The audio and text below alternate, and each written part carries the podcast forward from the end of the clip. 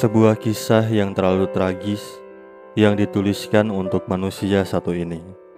Anggara Dwi Firmansyah.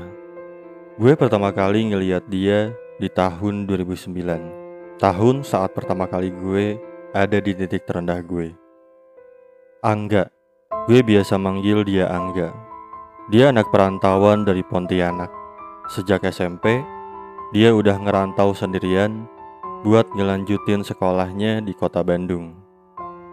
Banyak cerita yang tertulis selama 12 tahun gue ngeliat dia. Suka duka yang gue lewatin bareng sama dia. Pertemanan kami makin dekat, terutama sejak kuliah. Kami beda kampus, tapi tinggal satu atap dan satu pikiran. Dia bukan lahir dari keluarga yang segala ada. Salah satu yang sering kami lakuin buat bertahan hidup sampai dia dikirimin uang bulanan adalah keliling gedung pernikahan di Bandung saat weekend sekedar untuk makan gratis dan was-was takut pengantinnya sadar kalau kami bukan teman dari salah satu mereka. Dia juga cukup beda sama gue. Dia orang yang selalu dapat nilai bagus dalam akademiknya. Padahal dia sering ikut kelayapan sama gue. Sedangkan gue udah jelas 6 tahun baru lulus menandakan akademik gue nggak terlalu bagus dibandingin dia yang lulus tepat waktu. Gue kerja, dia kerja. Gue masih pergi ke kampus, dan dia udah jadi karyawan tetap.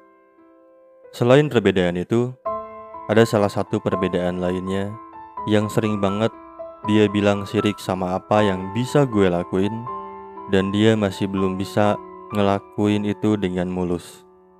Itu tentang percintaan. Di mata dia, gue selalu beruntung dalam hal itu. Sedangkan dia ngerasa banyak sialnya. Satu-satunya kisah yang sempat bikin dia bahagia dalam hal ini saat akhirnya penantian dia hampir tercapai. Di tahun 2017, akhirnya dia tunangan sama Nindi yang dia kenal di kampusnya. Satu hari setelah mereka tunangan, gue ngabisin waktu semalaman ngobrol sama Angga. Gue ngeliat raut penuh kebahagiaan di muka dia. Sampai akhirnya, kebahagiaan itu hilang seketika. Hamin dua bulan sebelum hari kebahagiaannya, saat catering dan gedung udah lunas dibayar, manusia dengan badan yang tinggi dan gedenya itu datang ke gue. Dia langsung meluk gue. Dia nangis sejadi-jadinya, sepilu-pilunya, dan gue ngerasain sepatah itu hatinya dia. Ketika dia ngeliat Nindi, tunangannya selingkuh sama temennya sendiri. Awalnya gue gak percaya, sampai akhirnya sehari setelah gue dengar tangisan itu, Nindi datang ke kosan Angga Gue ngeliat kejujuran Nindi tentang perselingkuhannya di depan Angga. Lelaki ini cuman bisa diem dan tanpa ngeliatin rasa sedihnya, dia ngelambain tangan pas Nindi berpamitan. Tapi saat dia balik ke kamarnya, kakinya kayak patah. Tiba-tiba dia jatuh gitu aja. Dia udah gak ngeluarin air matanya lagi.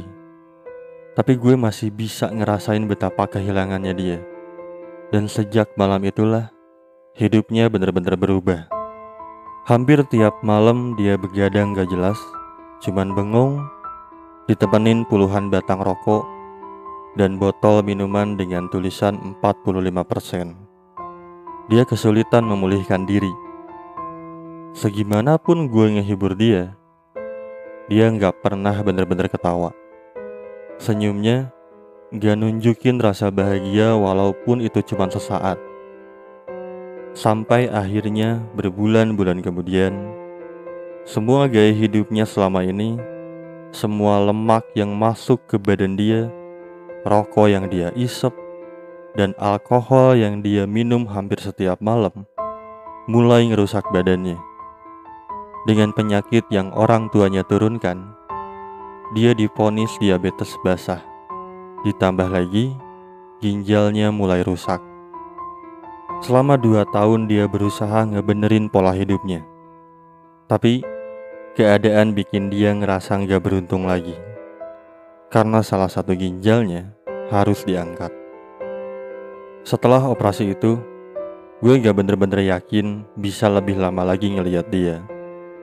Ditambah, waktu terus berputar dan kami harus melanjutkan hidup dengan jalannya masing-masing. Maret 2020 Pandemi bikin gue makin susah buat ketemu dia.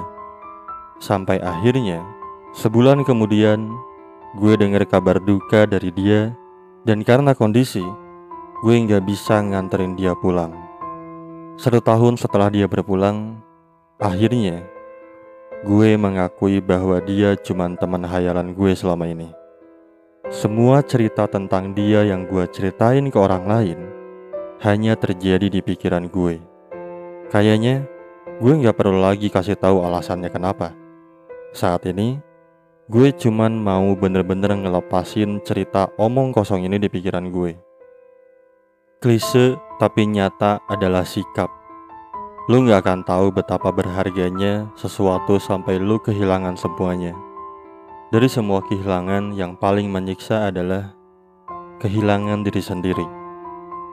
Walaupun gue udah mulai menemukan diri gue, gue masih berproses dan akan terus berproses. Dan buat kalian yang masih ngerasa sendiri, buat kalian yang pengen berbagi cerita apa pun tentang kebahagiaan, kesedihan, kemarahan, kebencian, kerinduan, atau apa pun keresahannya, kalian boleh cerita di TTM Podcast. Yang TTM Podcast pengen lakuin buat kalian adalah TTM Podcast cuman gak mau kalian ngerasa sendiri lagi. Karena bahagia sendiri buat apa? Rasa sendiri itu kan gak nyaman. Gue Rama Cungring, pamit undur diri. TTM.